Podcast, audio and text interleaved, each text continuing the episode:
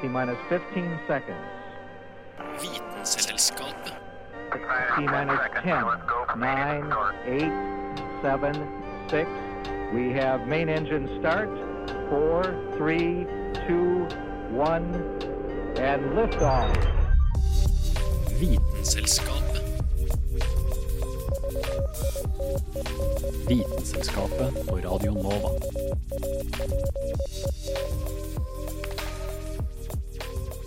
Hei til det der hjemme med Øyrund, og velkommen til Vitenselskapet. I dag så skal vi prate om eh, litt sånn eh, ekle ting. Slim og gørr og alskens moro greier. Og med meg i studio til å prate om det her, så har jeg Kristin Grydland. Og i dag, Kristin, så vil jeg at du skal introdusere det med din beste slimlyd. Her var det bra. Det var eh, veldig Eh, nå har jeg sittet her et minutt og prøvd å samle opp spytt bare for å liksom få en god eh, start på denne sendinga her. Ja, og det God start, jeg ikke, men det her er det du kan glede deg til i dag, kjære lytter. For i dag så skal dykke inn i alle slags slimete greier. Tarmsnørr, som også i Vitenselskapet er veldig glad i. Kvae, en litt mindre ekkel variant. Og spyttende dyr skal så innom. Så det er bare å eh, henge med og logge dine beste slimlyder, du der hjemme òg. Hæla i taket med Vitenselskapet.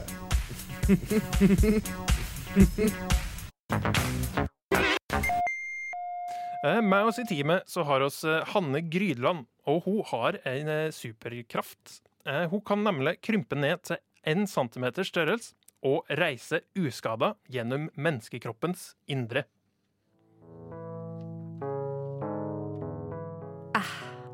Fins det noe deiligere stoff enn fløyel? La fingrene gli bortover fløyelssilken og kjenne de myke fibrene børste mot huden. Men vent! Æsj! Er det ikke fløyel jeg tar på? Er det Er det tarmtotter?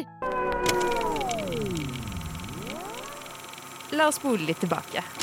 Jeg, i mikroversjon selvfølgelig, var bare på vei gjennom tynntarmen til et tilfeldig utvalgt menneske da jeg la merke til at tarmveggen så usedvanlig myk og fløyelsaktig ut.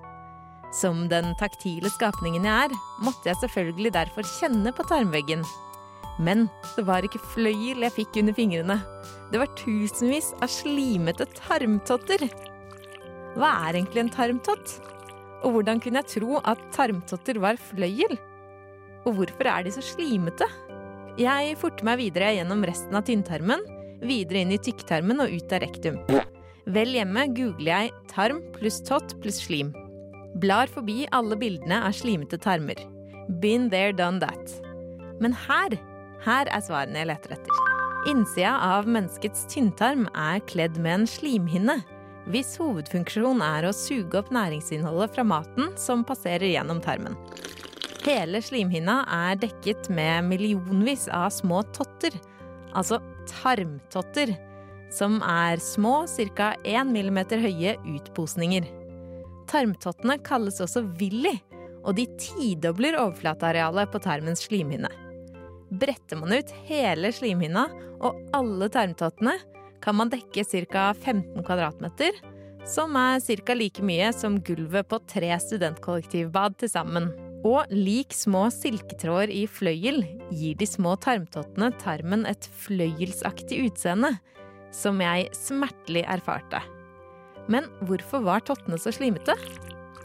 Mens oppgaven til 90% av cellene i slimhinna er å suge opp næringsstoffer, og 1% produserer hormoner og diverse andre stoffer, er oppgaven til de resterende 9% av cellene bare å produsere slim.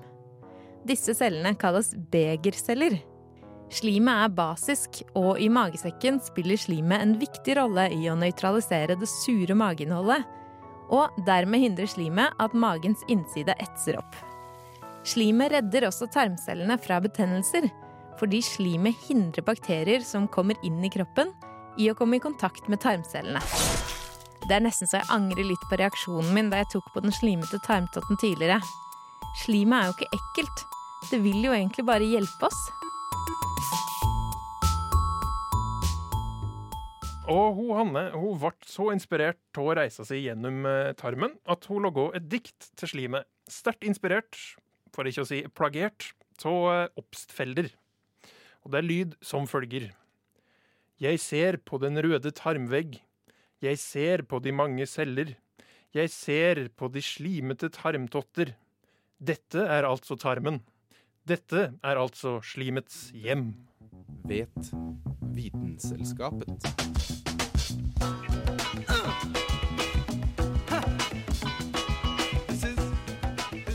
Ja, eh, og oss holder oss til menneskekroppen nå i første omgang. Eh, Og Kristin, du har en artig liten krabat inni kroppen å fortelle om. Ja, altså Hvis du antyder at jeg personlig har den, så, så stemmer ikke det helt. Jeg snakker eh, om slimpropp. Slimpropp, det hørtes Det er jo et veldig fint ord. Ja, det er ganske koselig.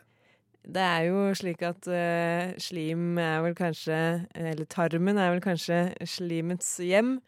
Men uh, dette slimet, altså slimproppen, bor ja, litt lenger eh, syd, kan man si. Det er hvis du er gravid, så har du en slimpropp. Ja. Og det er bokstavelig talt en propp lagd av slim. Og den sitter litt sånn i øverst Eller i livmorhalsen, da. Og eh, dens jobb er jo da å beskytte, beskytte barnet som vokser, fra eh, oppadstigende infeksjoner. Ja. Og oppadstigende infeksjoner, det, det sier seg vel kanskje litt selv. Men eh, det er jo litt sånn som en urinveisinfeksjon er en klassisk oppadstigende eh, infeksjon. For den starter eh, Og starter i urinveiene, Mhm. som eh, det virker Det er jo logisk, det. Men hvis man ikke gjør noe med den, så kan den da spre seg oppover til blæra, og hvis den da ikke blir gjort noe med, så kan den spre seg oppover videre til nyrene, og så videre, og så videre, og så liksom så baller det på seg, og så blir det bare katastrofe etter hvert. Eh, slike typer infeksjoner kan være ganske skadelig hvis du er gravid. For, Vil eh, vel kanskje være ekstra skadelig for fosteret, tenker jeg meg. det er skadelig for fosteret, og særlig fordi at eh, det kan føre til en sånn prematur fødsel. Så det kan rett og slett eh, sette i gang fødselen, og jeg tror ikke det er så veldig sunt for ungen heller.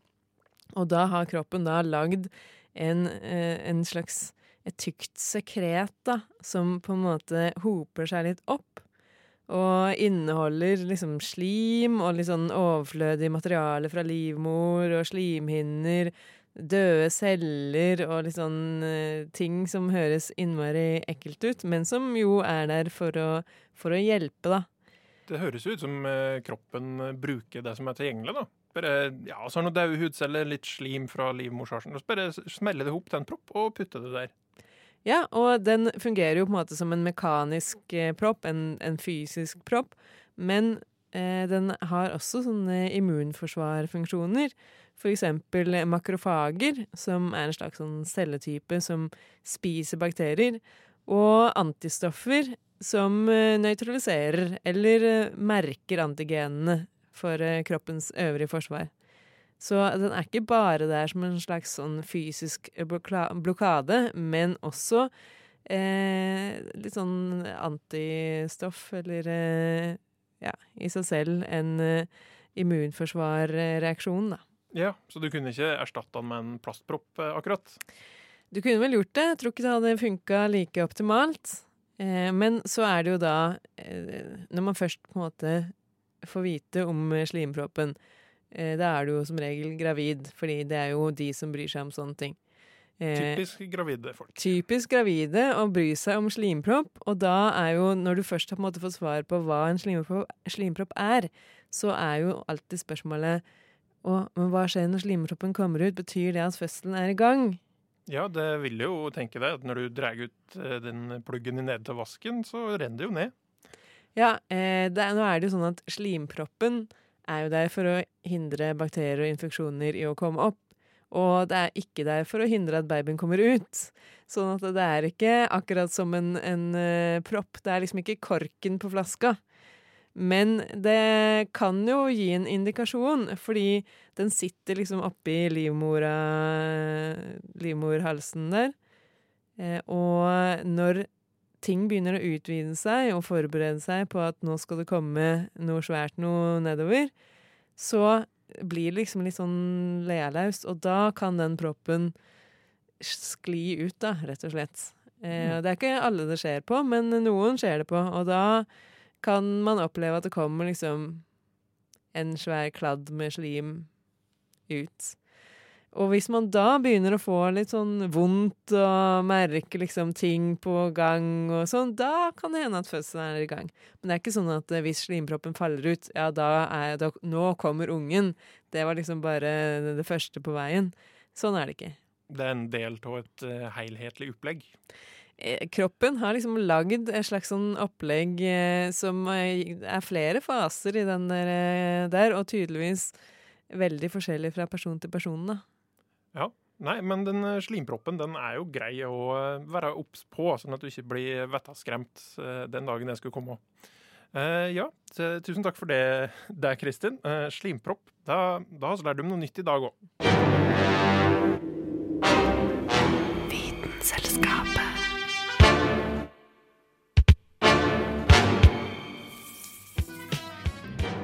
Målet til alle dyr her på planeten vår er å overleve og å tiltrekke seg en partner, sånn at den kan bringe genene sine videre. Forskjellige dyr har forskjellige måter å gjøre dette på. Noen danser, andre roper, og noen dyr kan spytte.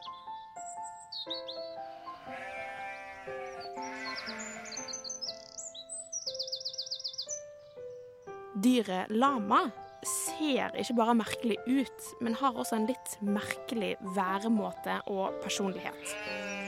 Dette dyret pleier å bruke sitt eget spytt til i hvert fall to ulike ting.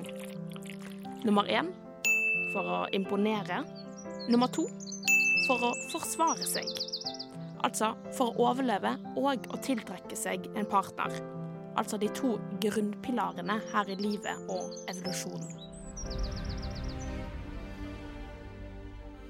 For å få status i flokken så arrangeres det gjerne spyttkonkurranser mellom lamaene. Den som klarer å sende den lengste spyttstrålen i været, vinner. Dette gjør de kun for å imponere de andre i flokken. I tillegg så kan de også spytte på hverandre, bare for å styrke sin egen plass. En lama spiser omtrent alt det han kommer over. Det er en drøvtygger og kan beite sammen med sauer. Det er jo omtrent en sau, bare med en lengre hals og litt mer typete utseende. En lama har med andre ord også ulven som fiende.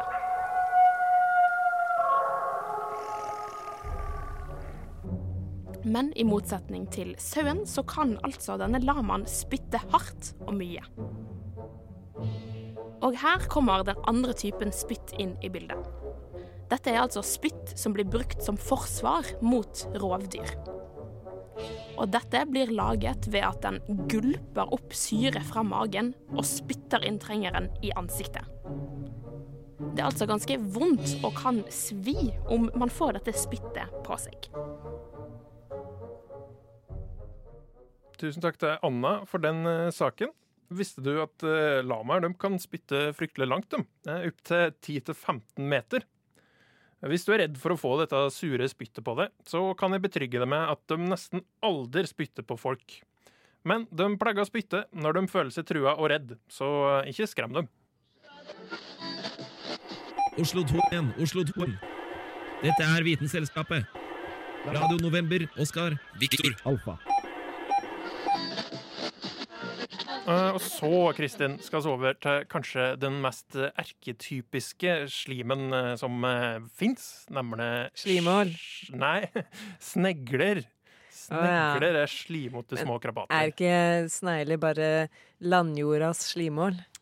Eh, ja, det, det er mange som vil hevde det. det den eh, kontroversen går oss ikke inn på her. Men eh, snegler da, har eh, slimet sitt, og eh, det slimet er det som kalles på engelsk mucus. Vet du hva det betyr? Eh, mjukt. Jeg tror det er samme ord Jeg tror det kommer fra samme sted som ordet mjuk kommer fra. Eh, det veit jeg ikke helt, men det er nemlig snørr. Ja, det er jo for så vidt logisk. Så snegler driver og snørrer. Ja, eh, eller i hvert fall eh, en type snørr. Ikke nøyaktig det samme som det oss har oppi nesen vår, men eh, de er veldig avhengige av dette slimet, de sneglene. da. Det spørs jo på snegler hva de bruker det til. Så eh, noen eh, snegler bruker det jo til å kunne henge fast mens de beveger seg. Du har vel kanskje sett ei snegle bevege seg opp langs en vegg? Ja. Det er ganske sjuke greier. Det slimet der gjør at de kan da henge fast som eh, Spiderman. Eller som eh, Ja, hva blir testsvarene, da? Sneglemannen? Vil eh, det si at Spiderman har på en måte et slags snørr som man henger fast i? Det er i hvert fall det jeg kommer til å tenke på når jeg ser Spiderman fra nå. Uh, ja, altså Snegler bruker da Det det jeg kjenner best, er kanskje at de bruker til å klatre. Men uh, de har òg det snørret her inni seg, en litt annen variant. Og det bruker de til reproduksjon. Det er en, eh, et element i reproduksjonen. Eh, så eh, ja, bruker det til å henge fast i veggen, og bruker det til å formere seg. Det er ulike funksjoner. Men det som kanskje er viktigst som man skal inn på nå, er at de sneglene som er på land, de tørker jo fort ut med den spesielle huden sin. Så derfor så bruker de slimet til å helle seg fuktig. Sånn at de ikke bare turker opp og går i oppløsning. Det er perfekt. De har liksom sin tube med, med krem, da. Fuktighetskrem på innsiden av kroppen, og så når de, sånn som vi ville gjort Åh, nå er jeg så tørr på hendene, ta på seg litt håndkrem. Akkurat sånn er det de gjør, bare at det liksom kommer innafra. Ja, de har sin egen lille håndkremsproduksjon, da. Eh, Eller kroppskrem sånn generelt. Eh, Og det er jo ikke bare nå at vi har funnet ut at det her kanskje er noe som oss kan overføre. Gamle romerne for eh, 1000 år siden, de eh, syns òg at eh, hm, Nei, de sneglene her de ser jo ut som de er fryktelig mjuke og gode. Så da putter oss de sneglene her på ansiktet vårt. Og ja, det har jo faktisk noe for seg, det. Du får mjukere hud. Det er bra for arr. Det, ja, det er faktisk ikke dumt å putte sneglesnørr på trynet sitt. Når en sier det på den måten, så høres det kanskje litt uh, verre ut. Jeg syns nesten uansett hvordan du ville sagt det, så hadde det hørtes uh, ganske ille ut. Men Det er snegler. Du kommer liksom ikke unna at det er snegler og slim. mm, gjør ikke det. Men allikevel så er det blitt en uh, industri av det her. Og det er ikke sånn at alle driver og putter snegler direkte på ansiktet sitt den dag i dag.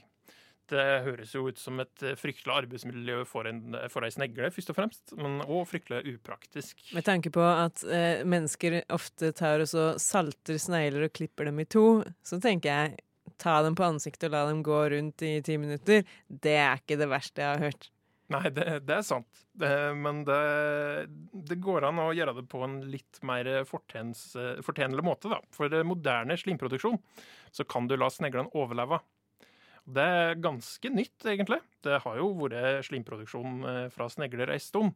Men eh, det nyeste da, er at du kan få dem til å overleve. Og eh, du må jo da finne ut hva snørr du skal ha ut av snegla. Du bruker forskjellige mm, metoder for forskjellig slim. Så det vanligste, hvis du ikke provoserer snegla nå, så kommer det seigt slim, som bruker til å klatre på veggen. Hvis den blir stressa, så blir det mer eh, skumaktig. Så det er heller ikke helt eh, egna for eh, det bruket her. Mens hvis du gjør snegla fryktelig glad, da får du det slimet som du har lyst på. Så det fins da sneglefarmer med folk som jobber med å liksom gjøre sneglene glade. Ja, men da er det ikke sånn at det blir en personlig oppfølging med den utviklinga som gjør at en snegle finnes i indre glede. Det er nok mer kjemisk, eh, den eh, gleda her. Så de er dopa. En, en sneglefarm med snegler som går rundt her konstant dopa, eh, bare sånn at de skal liksom snørre ut så mye de overhodet kan. Ja. Eh, akkurat hva det er de bruker for å få fram eh, det her, det vet jeg ikke, men det må jo være en form for doping. Så ja, da blir de glade og fornøyde og skiller ut det riktige slimet. Uten at de blir så stressa at de dør, og uten at du trenger å knuse dem for å få ut slimet. Det er ikke dumt. Og det, det som er med det slimet her, da, det er at det har peptider. Det er da stutte proteinkjeder. Eh, og så har de òg noe som heter hyrau... Nei, det var et vanskelig ord. Hyaluronsyre. Det fins rundt eh, menneskeegg, faktisk. Så det er ikke noe, er ikke noe veldig framhånd for oss, det her. Det ligger rundt menneskeegget, og så har eh, sædcella det tilsvarende motsatte som eh, fjerner det her. Og så blir det beskyttelseslaget borte, og så blir det en baby forhåpentligvis. Så det samme som du finner rundt menneskeeggene, det er i sneglene, og det er veldig bra for huden. Nå, eh, nå eh, har jeg ikke sagt noe direkte, men kanskje det er noe annet vi kan bruke i stedet for snegler, da? Nei, det, det får være med den vesle hintinga der. Nå eh, går oss videre og lar, lar lytteren pønske litt på det sjøl. It's fun. I mean, the natural world is just fun. Du hører på Vitenselskapet på Radio Nova. What more do you want?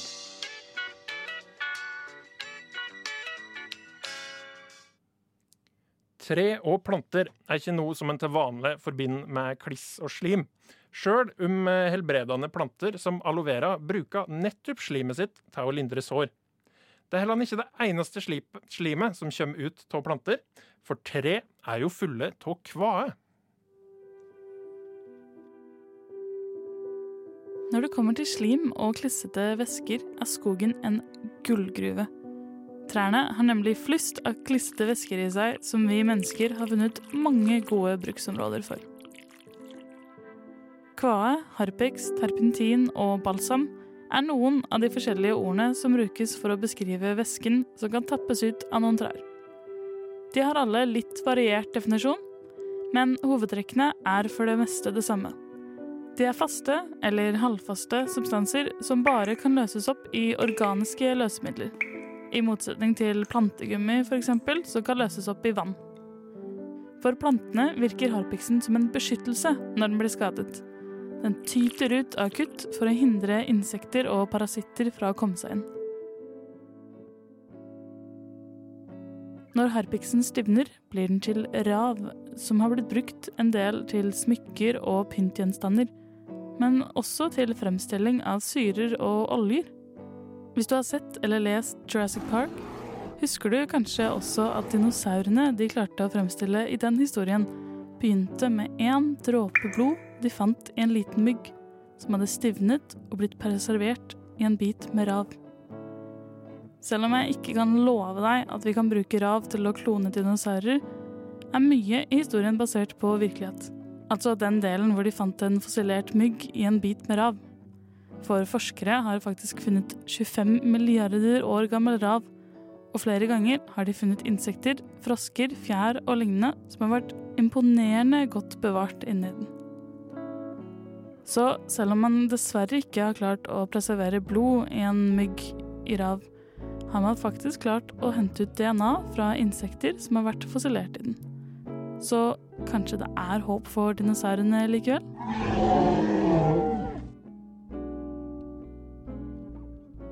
Tidlig så trodde han at rav hadde ei evne til å tiltrekke seg lette gjenstander når det ble gnidd, litt sånn som en ballong. Derfor kommer ordet elektrisitet fra det greske ordet for rav, elektron. Denne saken ble laga av Julianne Li Fjell. Vitenselskapet. Vitenselskap. Vitenselskapet. Vitenselskapet. Vitenselskapet.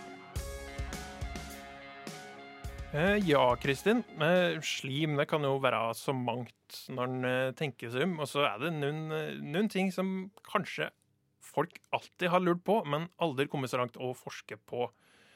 Har du noe som kunne passa til akkurat den beskrivelsen her? Du mener noe som eh, vi har klart å presse inn i denne sendinga om slim, men som strengt tatt ikke er slim. Eh, men som er et eh, fenomen som man kanskje har opplevd. Akkurat. Ja, det har jeg faktisk. Eh, Merkelig at du skulle spørre om det, Karl. Hvem skulle tro? Nei. Eh, det som jeg tenkte å snakke litt om, er skum. Sånn skum som havner i elver og bekker og sånt. Eh, du går forbi, og så ser du at det er masse sånn tjukt liksom, skum som ligger og, og flyter. Og så vet du at det er jo ikke noen såpefabrikk i nærheten, så det er jo ikke der det kommer fra. Det, det må jo være et naturlig fenomen. For eh, det, du kan være midt inne i skogen og så se det i forskjellige bekker og sånt. Men hva er det det kommer av? Det er jo det store spørsmålet. Ja, nå er jeg nysgjerrig. Det er jo et naturlig fenomen, og det er ikke fra såpefabrikken som regel. Men det blir en slags naturens såpe. For det som skjer, er at eh, det fins sånne overflateaktive stoffer. Det høres litt sånn teknisk ut, men det er organiske molekyler som har en hydrofil, dvs. Si en sånn ende som, som tiltrekker seg vann, en vanntiltrekkende ende. Og på den andre sida av molekylet så er den hydrofob. Så det er én side som tiltrekker seg vann, og én side som frastøter seg vann. Og den liksom spesielle egenskapen i det molekylet gjør jo at eh, eh, disse molekylene har en tendens til å samle seg litt sånn i grensesjiktet, da, mellom eh, vann og luft. Og der trives de tilsynelatende veldig godt. Og det som da skjer når de får litt friksjon, det er at da kan det hende at de skummer. Ja, for da kommer det luft inn, da. Da begynner de å liksom, hva skal vi si, bevege seg, og når du har et stoff som på en måte kan bryte overflatespenninga i vannet For alt vann har jo en overflatespenning, det er jo derfor insekter for eksempel kan gå på vannet, og Jesus og sånn er sikkert overflatespenning. Det er min teori, i hvert fall. Så eh, når du har på en måte et eh, stoff som kan reagere med det, og så får du i tillegg friksjon, sånn som man ofte får når det er litt bevegelse i elva, kanskje det er et regnskyll, kanskje det er eh, et lite fossefall osv., da begynner det å skumme. Men hva er det som gjør at man får slike stoffer i en elv og sånt i utgangspunktet? Det kan man jo lure på. Det her har en tendens til å skje sånn på våren eller på høsten. Og det er rett og slett organisk materiale. Så nå på høsten så faller det mange, masse løv fra trærne. Og hva skjer med løvet? Det er noe faller noe blåser med vinden, ramler ut i elva. Eh, disse stoffene, eller disse plantene, da, inneholder en del eh, stoffer som eh, for eksempel fettsyrer, lipider, andre overflate, overflateaktige andre overflateaktive stoffer. Eh, såkalte planteresiner, da. Og når det kommer ut i vannet, så eh, legger det seg i overflaten, så kommer det friksjon. Og hvis det kommer litt sånn natrium, eh, det vil si gammelt veisalt, for eksempel, da blir det skikkelig fart på sakene, og så blir det til et sånn tjukt skum som ser litt sånn udelikat ut, men som da faktisk er helt uh, ufarlig. Og noen ganger så ser det nesten litt sånn brunaktig ut også. Og, men det er bare en naturlig reaksjon, da. Ja. Det, det, var ganske kompliserte greier, bare for at det er noen bobler i overflata. Det er veldig interessant. Skum er jo litt sånn uh, komplekst, syns jeg, da. Med en gang du har den overflatespenninga, og så skal den brytes, og så skal det skumme, og så videre. Men det, den reaksjonen eller det stoffet som dannes og som gjør at det blir skum, er jo egentlig den samme greia sånn som du får med såpe. Det er jo den samme reaksjonen. Eh, såpe, sånn som man tradisjonelt har lagd det, er jo at man har kokt eh, fett og, og aske, og så har man fått et stoff som vi har kalt såpe, og det skummer jo som kjent. Mm. Og det er mm, litt den samme greia som skjer, bare at uh, naturen lager litt sitt eget såpevann, da, og så blir det skum på toppen. Så det er ikke sånn som man har trodd i gamle dager, at uh, dette skummet kommer at uh, troll vasker ungene sine i, i bekken. ja, det kan jo for så vidt være det, men sannsynligvis ikke. Da har altså i hvert fall to gode forklaringer på akkurat hvor det skummet her kommer fra.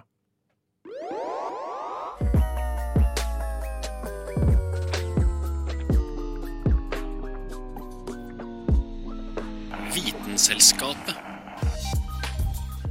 Ja, da har vi kommet oss gjennom ei heil sending fullt av slim, og jeg sitter her ganske så turr og fin. Ja, eh, ja det, du får bare fortsette med den fine lyden der, sånn at vi er sikre på at lytterne vet at nå er vi ved veis ende. Tusen takk for eh, alle dere som hørte på. Også tusen takk til alle som bidrog i sendinga her. Tusen takk til deg, Kristin, som var med meg i studio og laga vakre slimlyder. Ingen årsak. Jeg heter Carl Adam Skvam. Du har hørt på Vitenselskapet på Radio Nova.